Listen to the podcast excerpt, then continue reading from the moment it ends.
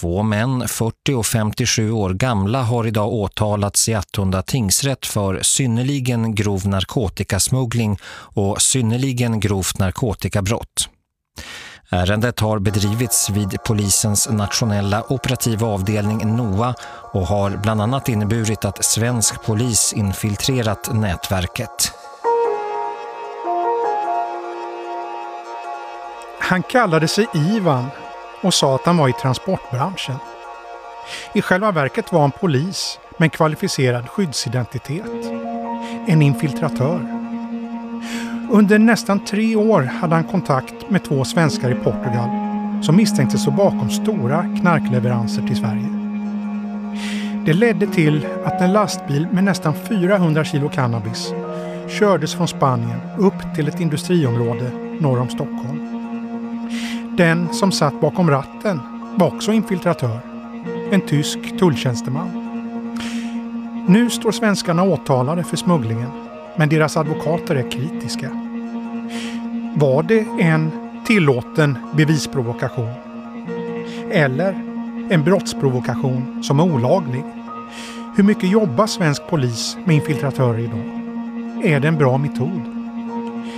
Det ska vi titta närmare på i det här avsnittet av Aftonbladet Krim. Jag heter Anders Johansson.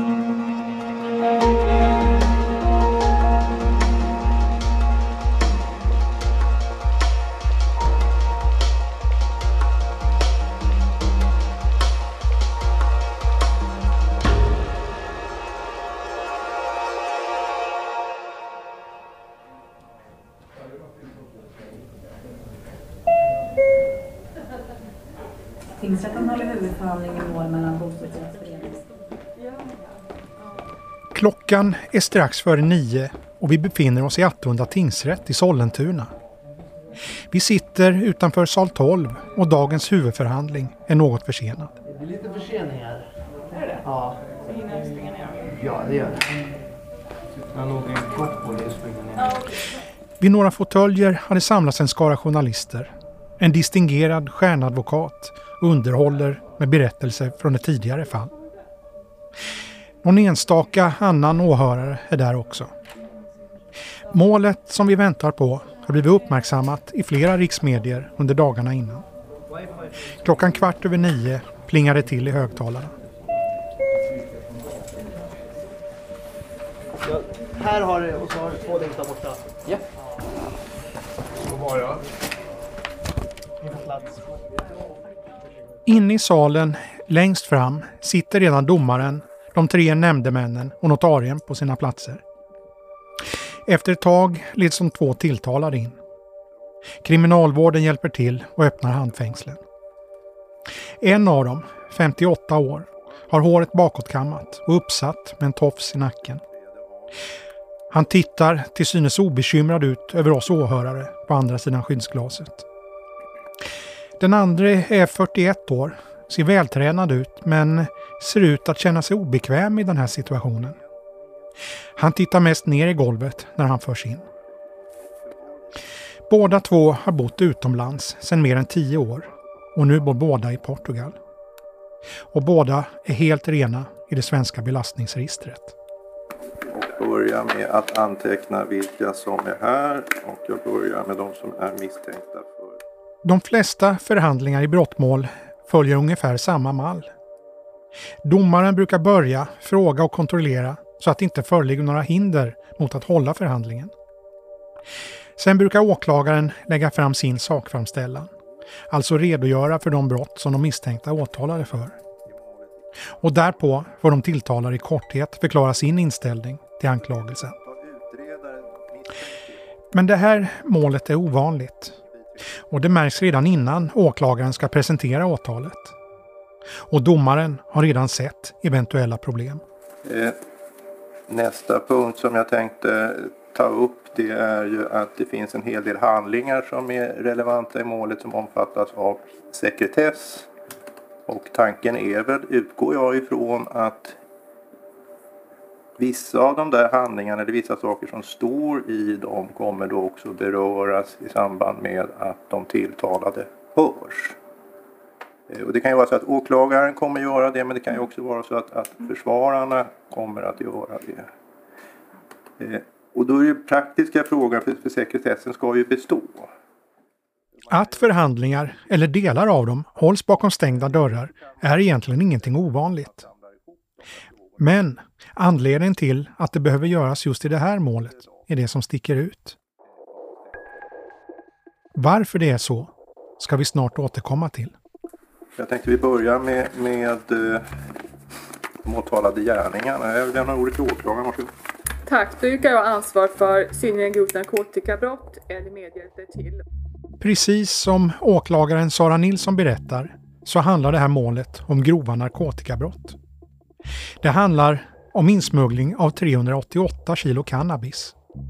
Både gröna blomställningar, marijuana och bruna haschkakor. Beslaget gjordes i en industrilokal i Upplandsbro i februari 2020. Narkotikan var då fördelad i 17 sopsäckar, en hockeytrunk, en resväska och två lösa paket. Värde på gatan? Omkring 38 miljoner kronor. Den stora mängden narkotika skulle kanske på egen hand motivera uppmärksamheten. Men det som gjort att det här målet har dragit ögonen till sig handlar om metoden som polisen använt. Allt startar i februari 2017 när SSI, sektionen för särskilda insatser, börjar arbeta med att försöka avslöja ett nätverk som, enligt uppgift till polisen, smugglar stora volymer narkotika till Sverige. Syftet var inledningsvis att ta reda på om de här personerna i nätverket ägnade sig åt allvarlig brottslighet eller inte. Och därefter fatta beslut om att avsluta eller gå vidare. Men några månader senare inleds förundersökning av åklagare. Och det hela får namnet Operation Costa. I anslutning till att förundersökningen inleddes så fattades också beslut om att tillåta infiltration och provokativa åtgärder. Infiltration och provokativa åtgärder. Vilket i det här fallet handlar om att polisen använt sig av en infiltratör. Alltså en person som går under täckmantel, undercover, och utger sig för att vara någon annan. En mycket ovanlig åtgärd. Skälet för, för de här besluten var att det framkommit information om omfattande smuggling av narkotika till bland annat Sverige. Målsättningen var att komma åt personer högre upp i hierarkin. Polismannen hade då under flera månader jobbat undercover. Det falska täcknamnet med ett påhittat personnummer var registrerat i folkbokföringen. Han hade en så kallad kvalificerad skyddsidentitet. Det är en infiltratör, en polisinfiltratör, som har kallat sig Ivan. Ivan hade då under några månader försökt närma sig det nätverk som misstänktes för att smuggla narkotika. Han utgav sig för att vara en man med kontakter i transportbranschen. Och i sin kontakt med nätverket har han framförallt närmat sig en svensk man i 50-årsåldern, bosatt i Portugal. En person som polisen menar fungerar som en spindel i nätet och som vi i det här avsnittet kommer att kalla konsulten. Det har varit kontakter via telefonsamtal, meddelanden och möten. Redan från början så har berättat om en omfattande narkotikabrottslighet. Enligt åklagaren hade konsulten tidigt under de här mötena börjat prata om en omfattande narkotikaverksamhet. Han ska bland annat ha berättat om sina kontakter i kokainbranschen och om att han kunde skaffa fram upp till 500 kilo åt gången. Infiltratören ska då också ha fått frågan om han kunde köra ett så stort parti från Portugal till Madrid. En grupp colombianer behövde hjälp med det. Något som Ivan tackade nej till. Men som bekant handlar det här målet inte om kokain utan om cannabis. Enligt Ivan pratar konsulten om att han var involverad i smuggling av choklad från Marocko till Europa vilket poliser tolkar som haschsmuggling.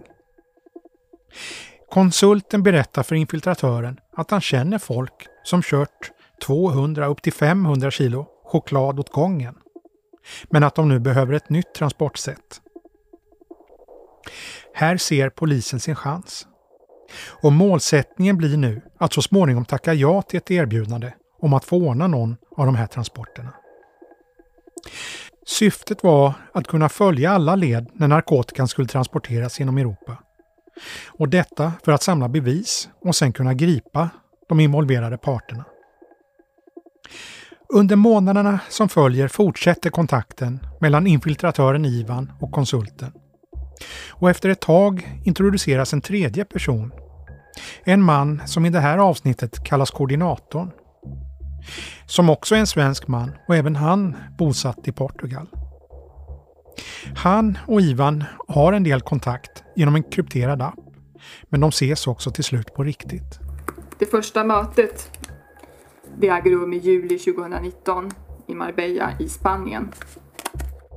På mötet tar koordinatorn snabbt upp frågan om narkotikasmuggling från Spanien. Infiltratören spelar med operationen går in i nästa fas. Under månaderna som följer fortsätter polisen att planera för transporten. En lastbil ska ordnas fram och flera europeiska polismyndigheter ska informeras. Samtidigt fortsätter infiltratören Ivan att hålla kontakten med koordinatorn och konsulten. Ivan hade tidigare sagt till svenskarna att han haft bulgariska bilar med bulgariska förare. Men nu hade han skaffat fram bättre grejer. Både en tysk lastbil och en tysk chaufför som var pålitlig och som inte skulle väcka uppmärksamhet vid någon gränspassage. I februari 2020 är alla pusselbitar på plats. Den 11 februari är det dags. 388 kilo cannabis lastas in i en lastbil som står på ett industriområde i södra Spanien. Ingen av de misstänkta vet då att föraren, Werner, som anförtros den dyrbara lasten, egentligen heter något annat och är anställd vid den tyska tullen. Och att han är en del i en svensk infiltrationsoperation som pågått i nästan tre år. Samtidigt som knarket lastas in förvarnar svensk polis sina kollegor runt om i Europa. I alla länder som lastbilen ska passera på sin väg upp mot Sverige ska de följa transporten i det tysta. Och även vara med och bevaka bilen när chauffören tar rast och nattvila. Inget ska få hända med lasten och inte heller med föraren för den delen. För det är inte alls sällsynt att kriminella rånar andra kriminella. Vad som ska hända när lasten kommer till Sverige är okänt. Polisen vet inte heller slutadress eller vem som ska komma och ta emot den. För att operationen ska lyckas gäller det att slå till vid rätt tidpunkt. Men åklagaren som godkänt alltihopa skrev i sitt inriktningsbeslut att polisen måste ingripa omedelbart om narkotikan flyttas till utrymmen eller områden som är svåra att övervaka på ett betryggande sätt. Eller om kontrollen över narkotikan riskeras av andra skäl. Samt, skrev åklagaren i beslutet. Vidare ska ingripande omedelbart äga rum om säkerhet till person för inblandade personer riskeras. 10.38 den 11 februari börjar lastbilen rulla. Chauffören Werner, den tyske tulltjänstemannen, sitter bakom ratten. Efter nästan 12 timmars körning första dagen stannar han i Burgos i norra Spanien för att sova. Klockan är då runt halv elva på kvällen. En styrka från Guardia Civil bevakar lastbilen under natten.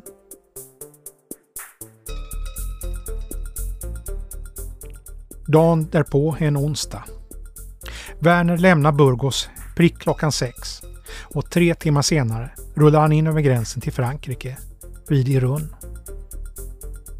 Personal från franska polisen tar då över och bevakad nattvila sker norr om Paris strax efter tio på kvällen. Den tredje dagen, en torsdag, sover Werner lite extra på morgonen och rullar inte iväg förrän strax efter åtta.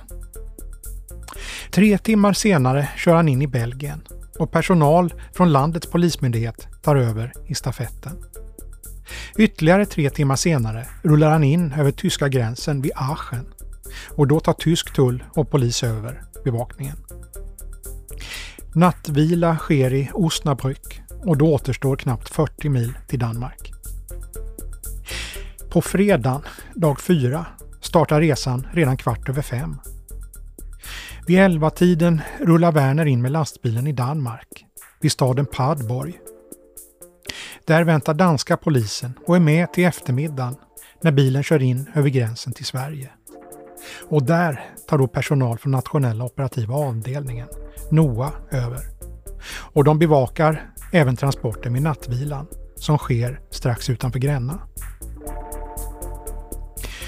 På lördagen, alltså femte dagen på resan, startar färden strax efter klockan sex på morgonen. Och nu är det bara några timmars körning till mötesplatsen. Som nu anges till Biltema i Kungsängen, norr om Stockholm. Det är den plats som den 41-årige koordinatorn gett till polisens infiltratör. Vem som ska möta upp där vet poliserna fortfarande inte. Men i det här kritiska skedet ska inget få gå fel. När lastbilen kör in på mötesplatsen hittar Werner snart den han letar efter. Han sitter i en svart Mercedes, en hantverkarbil. Han går inte ut men börjar köra i förväg och lastbilen följer efter. Det gör också polisen. De har till och med en drönare som filmar färden från ovan. Parallellt med det här har en annan del av operationen precis genomförts några mil bort. Knarktransporten ska betalas och eftersom ingen i de här kretsarna litar på varandra ska betalningen ske på en annan, säker plats. För det uppdraget har ytterligare en infiltratör kopplats in. Han som alltså ska ta emot pengarna för transporten från Spanien till Sverige. Någon timme innan lastbilen rullar in i Upplandsbro sker ett utbyte i en mindre livsmedelsbutik i Uppsala. Åklagare Sara Nilsson förklarar. Betalningen ska överlämnas i kontanter i en butik i Uppsala. En sedel ska visas upp för att få ut pengarna. Och precis så går det också till. Och då är det också en polisman som arbetar under täckmantel som går till den här butiken, visar upp en sedel och får pengarna i en godispåse. En rosa färgad påse för lösviktsgodis plockas fram från en hylla. Och när den förklädde polismannen tittar ner i påsen ser han feta buntar med 500-sedlar med dubbla gummiband om. Det ska vara 550 000. Betalningen är hemma och pengarna tas i beslag. Sedlarna skickas för teknisk undersökning. Åter till lastbilen.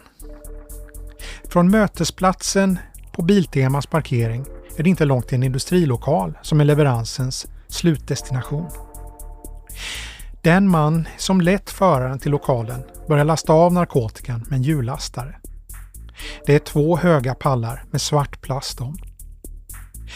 Han drar in pallarna i lokalen och packar om partiet i svarta och gröna soppåsar och några väskor. Efter några timmars arbete är jobbet klart och Werner, alltså den tyske tulltjänstemannen, backar ut lastbilen från området och kör iväg. Den känsliga delen av operationen är klar. En infiltratör har kört narkotikan genom Europa. En annan har tagit emot betalningen för det. Och en tredje har samlat på sig meddelanden och annan bevisning som föregått själva transporten. Ingen av de brottsmisstänkta har upptäckt att polisen nästlat sig in i deras organisation. Fram tills nu.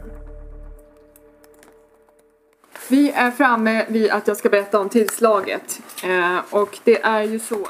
Sent på eftermiddagen slår nationella insatsstyrkan till mot industrilokalen.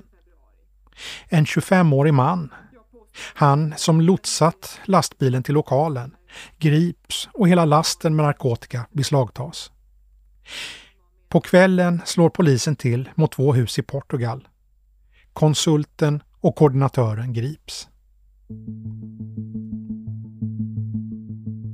Det är de två männen som nu, nästan ett år senare, står åtalade i Attunda tingsrätt. Och de är alltså 58 respektive 41 år. Den äldre av de två åtalade, konsulten, var den som polisen först intresserade sig för och som beskrivits som en spindel i nätet. Han har bott i Portugal i omkring tio år. Han är sambo, har tre barn varav de två äldsta utflyttade. Han berättar i förhör att han jobbar som konsult och hjälper svenskar som vill bosätta sig i landet. Han kan bistå med till exempel att ordna bostad, bankkonton, abonnemang på el och gas. 2019 hade han insättningar på sitt konto på motsvarande drygt 2 miljoner kronor. Pengar han menar kommer från konsultverksamheten. Och det är så han har kommit i kontakt med den andra åtalade, menar konsulten. Han hjälpte honom att installera sig i Portugal hösten 2019 när han flyttade från Spanien. Den medåtalade 41-åringen å sin sida säger att de känt varandra betydligt längre än så. Han bor med sambo och barn i en lägenhet som kostar 23 000 kronor i månaden. Vid tillslaget hos honom hade han två bilar. En Porsche Panamera och en Mercedes SUV av den exklusiva modellen G65 AMG. Ingen av bilarna var registrerade på honom. I ett säkerhetsskåp hittas också sex dyrbara klockor. När polisen i förhör frågar hur han försörjer sig säger han Jag säljer bilar och klockor och jag har jobbat med kryptovaluta senaste tiden. Båda två säger att de har träffat infiltratören Ivan fast de egentligen inte var intresserade av det. Den 58-årige konsulten säger att det enda han kommer ihåg av Ivan var att han ville hänga, snacka skit och äta gott. Det enda jag gjort med honom var att sitta och dricka en massa vin, öl och väck. Vad ni än säger så kommer jag inte komma ihåg det. Tänker själva om man dricker två flaskor vin, vad kommer man ihåg då? När konsulten konfronteras med att ha sagt saker som kan tolkas ha med narkotikasmuggling att göra. Exempelvis när han talar om en affär där båtkillen hjälpte till att ta in 1150 kilo av vitt har han en förklaring.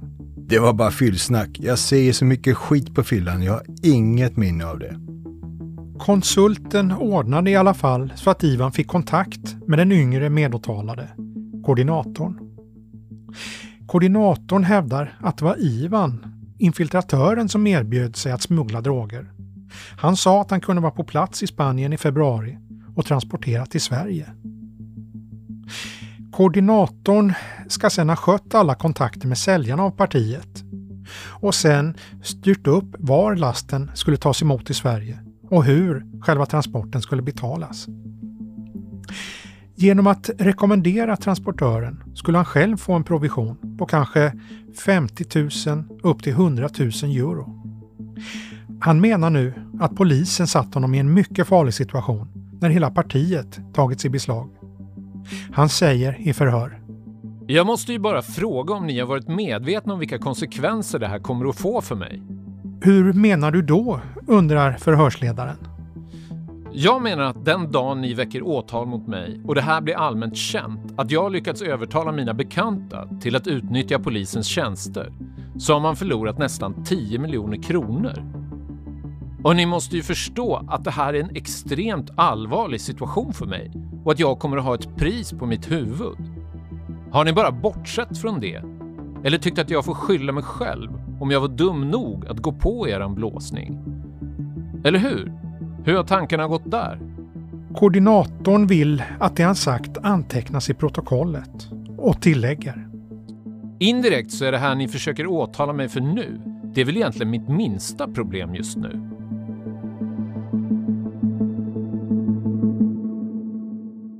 Det som koordinatorn pratar om här pekar på en viktig del i målet. Flera bitar i historien saknas nämligen. Polisen vet till exempel inte vem som sålde knarket. Och eftersom de fortfarande är på fri fot menar alltså koordinatorn att det finns en hotbild mot honom.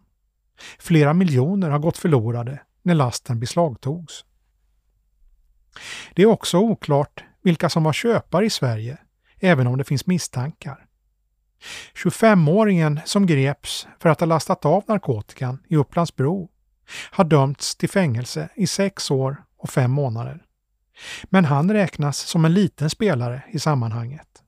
Åklagaren menar att de egentliga köparna finns i ett etablerat kriminellt nätverk. Om de kommer att gripas återstår att se.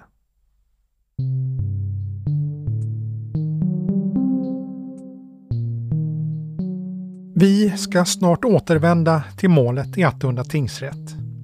Men det finns två nästan identiska begrepp i den här historien som vi måste ägna några minuter åt. Och mer eller mindre hela rättegången hänger på vilket av begreppen som är mest rättvist att använda. Det ena kallas bevisprovokation och är lagligt. Och i korthet innebär det att polisen bara deltar i sån utsträckning att de ser till att få fram bevis för ett brott som de blir vittnen till. Och det andra kallas brottsprovokation och innebär att poliser själva deltar i brott som de misstänkta aldrig hade begått om de just inte blivit provocerade eller lockade att begå dem. Och den typen av provokation är olaglig. För att det lagliga inte skulle bli olagligt och i efterhand riskera att ogiltigförklaras av domstol har polisen behövt dokumentera vartenda steg i det här fallet. Ja, praktiskt taget vartenda samtal. Alltihopa omgärdas av mycket hemlighetsmakeri av naturliga skäl. Nu i efterhand får till exempel ingen veta vilka infiltratörerna är. Inte ens åklagaren vet deras riktiga identitet. Ett skäl är förstås att det kan finnas en hotbild mot de enskilda poliserna. Att någon i kriminella kretsar ska hämnas och försöka göra dem illa. För att poliserna på fältet, operatörerna, inte ska göra fel, gå över gränsen och själva begå brott i jakten på bevis har de fått tydliga instruktioner. Deras närmaste chef har heller inget känt namn. Han kallas K13 i den här förundersökningen. Men K13 uppger i ett PM att han varit tydlig med operatörerna. Som operativt ansvarig har han satt upp begränsningar. Och de formuleras så här. 1. Aldrig uppmana, påverka eller förmå någon att begå brottslig handling som denne inte visat sin avsikt att begå. Det vill säga att aldrig väcka någons brottsliga vilja. Och 2. Aldrig påverka någon att prata eller svara på frågor genom hot, press eller tvång. Det vill säga att alla samtal med misstänkta om deras egen brottslighet ska ske helt under frivilliga omständigheter. Under rättegången märks det hur centralt det här är för bedömningen av målet. Åklagaren Sara Nilsson betonar gång på gång att det inte är polisen som tagit initiativ till det här. Utan att de kommer in när de misstänkta gärningsmännen redan har den olagliga verksamheten igång. Åtalet. Jag påstår att och ingår i en organiserad verksamhet med narkotika som är pågående när Ivan, den här infiltratören, kommer in i bilden. Bollen är så att säga redan i rullning. Och jag påstår att det inte alls polisen som planerar den här transporten. Jag tänker säga någonting om provokativa åtgärder redan nu, även om det naturligtvis är en pläderingsfråga. Provokativa åtgärder. Ja, bara att säga vad det är har ju vållat eh, mycket tankemöda där man har konstaterat att det är förenligt med konventionen att vidta provokativa åtgärder. Men initiativet till brottet ska inte komma från polisen eh, och den eller så ska den provocerade eh, ha varit beredd att begå brott av ifrågavarande slag oberoende av provokationen. Advokaterna Thomas Martinsson och Ivan Fialdini ser saken annorlunda. Thomas Martinsson, som försvarar den 58-årige konsulten, säger att hans klient medger vissa omständigheter men förnekar brott. Allt är en plan som dirigeras ifrån Polismyndigheten. Han bestrider eh, ansvar och förnekar brott. Han har vare sig planerat eller beslutat, han har inte haft den rollen i det här, eh, i det här sammanhanget. Advokat Ivan Fialdini, som försvarar den 41-årige koordinatorn, inne på en liknande linje. Försvaret gör gällande att blivit utsatt för en otillåten brottsprovokation varför bestrider ansvar för brott. Punkt. Huruvida polisen använt lagliga metoder finns det alltså två helt skilda uppfattningar om. Det blir domstolens uppgift att avgöra om det som gjorts i operationen varit inom ramen för det tillåtna. Under en vanlig rättegång hade vi kunnat sitta med under förhandlingen för att själva få en bild av vad som skett. Men som vi varit inne på tidigare så är det här ett ovanligt känsligt mål. Och efter att åklagaren presenterat åtalet och advokaterna förklarat sina klienters inställning så stängs dörrarna. Och då har jag ju gått igenom den mer allmänna delen och kommer att börja med den del som rör möten och samtal efter lunch. Och det innebär att jag kommer att begära stängda dörrar efter lunch redan. Så, så att då kommer det som sagt inte mm. vara för publik? Nej, då vet de som är åhörare det.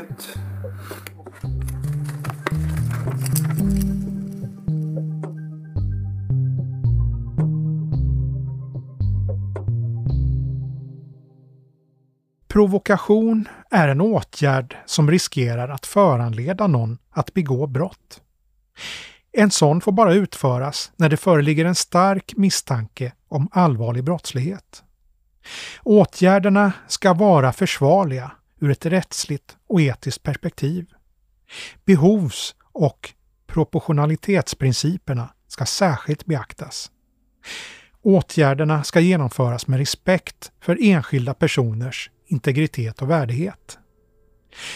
Så skriver åklagaren i sitt beslut om att tillåta provokativa åtgärder i det här fallet. Men hur vanligt är det att polisen använder sig av sådana här åtgärder och använder infiltratörer med en kvalificerad skyddsidentitet? Det är inte officiellt. Den verksamheten är bland det hemligaste polisen håller på med. Det är mycket sällsynt att det blir känt genom att ärenden hamnar i domstol. Men fem år i rad, sedan 2016, har antalet beviljade skyddsidentiteter ökat årligen. Om en polisman ska få en sån täckmantel beslutas av något som kallas skyddsregistreringsdelegationen och som är en del av myndigheten Säkerhets och integritetsskyddsnämnden SIN. Enligt uppgifter som vi begärt ut från myndigheten har delegationen under 2020 handlagt 13 ärenden om kvalificerade skyddsidentiteter. Ett mer än under 2019. Ett ärende kan innehålla ansökningar om en eller flera kvalificerade skyddsidentiteter, så det totala antalet går inte att utläsa. Men delegationen har under året beviljat fler skyddsidentiteter än antalet upphörda sådana. Det vill säga det totala antalet har ökat. Och så har det alltså varit årligen under fem år i rad, enligt de tidigare årsredovisningarna. Det verkar alltså som att antalet fall där polisen använder det här tillvägagångssättet ökar. Men det hela är omgivet av mycket sekretess. När vi vänder oss till polisen för att fråga om det här får vi inte mycket till svar. Ja, det vill vi inte heller uttala oss om. Kan du säga någonting ändå om det ökar eller minskar? Eh, nej, vi vill inte uttala oss om att, eh, hur, hur, ofta vi använder metoden. Det här är Christer Nilsson som är chef på utredningsenheten på NOA den nationella operativa avdelningen vid polisen och som infiltratörerna hör till. Han vill som sagt inte gå in på hur mycket polisen använder den här metoden. Men han menar att fördelarna med infiltratörer överväger nackdelarna med råge. Ja, jag tycker väl så här generellt att det finns ju inga större nackdelar med det här. Sen finns det ett antal farhågor och det finns eh, och, och så vidare. Så man måste hålla sig då till rättsregler, men det är en annan sak. Att fördelarna är att, att på vissa grovt kriminella är det här en metod av andra och som eh, kan vara lyckosam när man inte kan använda andra metoder för att eh, då lagföra de här grovt kriminella. Så att jag ser mest fördelar och inga speciella nackdelar. Det står någonstans att för att de här metoderna ska vara okej okay att använda så ska det vara proportionerligt bland annat. Proportionerligt ja, ja, ja absolut. Ja, precis. Absolut. Och, och då i det här fallet kan man säga, eh, hur, hur motiveras det att man har jobbat nästan tre år för att få fast en eller två personer? Men man missuppfattar lite där när man säger tre år så är det inte tre år på heltid utan det är under en utsträckt period med ett fåtal antal möten. Så att eh, man kan säga att det här behövdes då som polis, från polisens sida sätt att slå ut ett kriminellt, stort kriminellt nätverk som smugglar stora mängder narkotika till, till Sverige. Och då kan det ta tid men eh, det är som sagt ett, eh, i det hela på tre års tid ett fåtal antal möten. När det här avsnittet spelas in vet vi inte hur det kommer att gå i det här målet. Men tittar man bakåt i arkiven går det att hitta tidigare fall där polisen använt de här metoderna och där det slutat med något av ett fiasko när allt hamnat i domstol. Fallet Rembrandt är ett sådant fall. Och det tog åklagaren Sara Nilsson själv upp som ett exempel i rätten för att illustrera vad man får och inte får göra i den här typen av operationer. Det ärendet handlar om en av de tavlor som stals vid kuppen mot Nationalmuseum tre dagar före jul år 2000. Fem år senare, när amerikansk polis slagit till i ett narkotikaärende, hittades en av de saknade tavlorna i ett kassaskåp hemma hos en av de misstänkta. För att slippa sitta inlåst resten av livet för det här knarket erbjöd den misstänkte, som var i 60-årsåldern, FBI att få fram den mest värdefulla tavlan, Självporträtt av Rembrandt. Verket, värderat till flera hundra miljoner, var så känt att det inte gått att sälja. Men nu skulle en av FBIs agenter agera köpare. Och narkotikabrottslingen skulle ta kontakt med de för polisen då okända personer som hade tavlan. Ett möte arrangerades på ett hotell i Köpenhamn. Och tre svenskar dök upp med verket och blev gripna och sen åtalade för häleri. Men målet gick ända upp till Högsta domstolen som frikände dem helt. Polisen hade utsatt de tre för en brottsprovokation ansåg HD och vars dom alltså blev ett prejudikat. Att det hela skulle falla i rätten för att polisen varit för pådrivande är en av farhågorna med den här metoden. Det är också den vanligaste kritiken mot det här tillvägagångssättet. Janne Flyghed, professor i kriminologi, är en av kritikerna.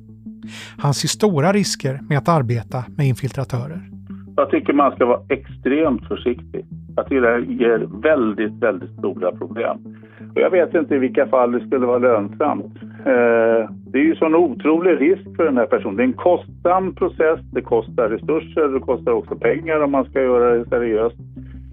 Och sen kan man undra i vilken mån som det då är, är effektivt. Jag tycker man ska vara extremt restriktiv. Jag skulle vilja se de argument man framför för att det är effektivt i sådana fall och vilka fall man har sett att det har varit väldigt framgångsrikt. Men även om kriminologen Janne Flyghed är skeptisk utesluter han inte att metoden kan vara motiverad om det handlar om att bekämpa samhällsfarlig brottslighet. Om man får vara fräck va, då skulle man ju tycka att varför använder man inte det här i stora bolags styrelserum när det handlar om att placera och jobba med skatteflykt i Bahamas? Där förekommer det aldrig. Det är aldrig aktuellt. Varför inte det är aktuellt? Ja, det verkar uppenbarligen inte vara av intresse att gå på den typen av grupperingar. Alltså det, eh, de här man brukar kalla för de mäktigas brottslighet, de stora företagen och deras medvetna miljöförstörande utsläpp, deras aggressiva skatteplanering och deras rent kriminella skatteflykt. Där blir det aldrig någon, eh, blir det aldrig någon diskussioner om någon anledning av, eh, av eh, att använda infiltratörer. Eller informatörer för den skull. Det här är ju väldigt insynsskyddad verksamhet. Jag har ju tittat rätt mycket på säkerhetspolisiär verksamhet. Men, eh, men där får man, kan man ju få reda på en del i alla fall. Men vad som händer i olika typer av bolagsstyrelserum, det är ju än mer insynsskyddat. Och det kanske vore mer angeläget att satsa resurser där menar du? Ja, om man, om man ska titta på vad det handlar om i skatteundandragande i de här stora så vore det ju rätt intressant. För om man då tittar på, jag menar att en hel del av den verksamheten är minst lika samhällsskadlig som en del av den här, i synnerhet det man pratar nu om, om det som händer i vissa så kallade utsatta områden. Eh, narkotikahantering är helt eh, för, förkastlig givetvis. Men jag menar att det finns andra saker som kan komma i en liknande paritet.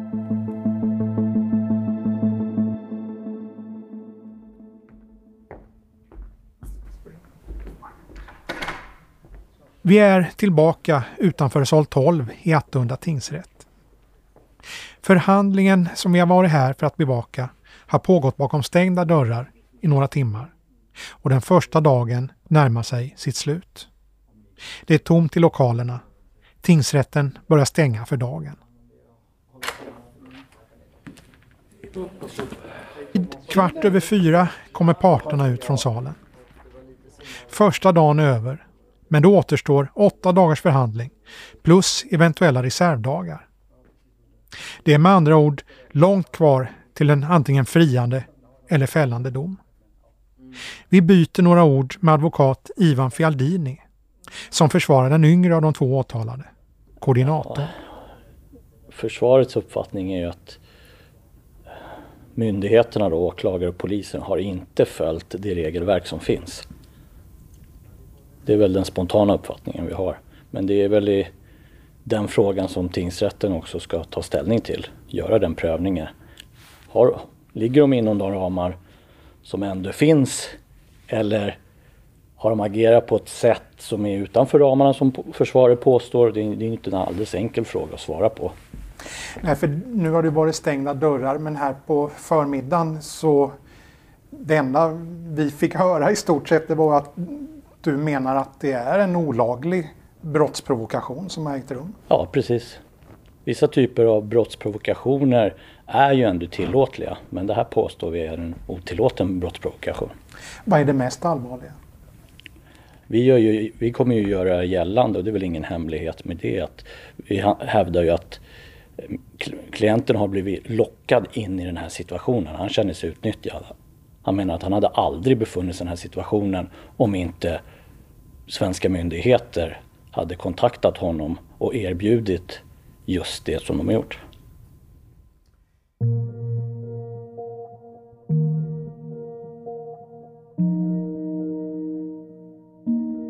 Laglig bevisprovokation eller olaglig brottsprovokation. Tre års infiltration och en omfattande polisoperation som involverat flera länders myndigheter hänger på den frågan. Och svaret kan bli avgörande för om det blir en friande eller en fällande dom. Men även om mycket av diskussionen kring målet hänger på den här tråden så menar åklagaren Sara Nilsson att själva operationen varit motiverad ändå. När vi når henne på telefon några dagar innan rättegången känner hon ingen oro över att målet ska falla på att polisen ska ha gått över några juridiska gränser. Nej, det, nej det är jag, jag är inte rädd för det. Det här ärendet är ju eh, väldigt noggrant dokumenterat. Vi har varit väldigt öppna med allt som har förekommit. Eh, jag eh, ser inte att det skulle vara något problem att inte försvararna har fått insyn. De har fått se allt som finns i förundersökningen. Däremot så vet man ju aldrig i förväg vad en domstol ska göra för en bedömning. Men där vill jag ju återigen säga att man får skilja på om åtgärderna har varit befogade och på frågan om skuld. Eh, det är inte samma fråga. Åtgärderna kan ha varit befogade även om det är så att eh, en domstol tycker att någon av de här eller båda inte ska dömas för det här brottet. Och jag vill också understryka att ja, det är inte ett fiasko om det ogillas utan det, det är så rättssystemet fungerar, att domstolen dömer.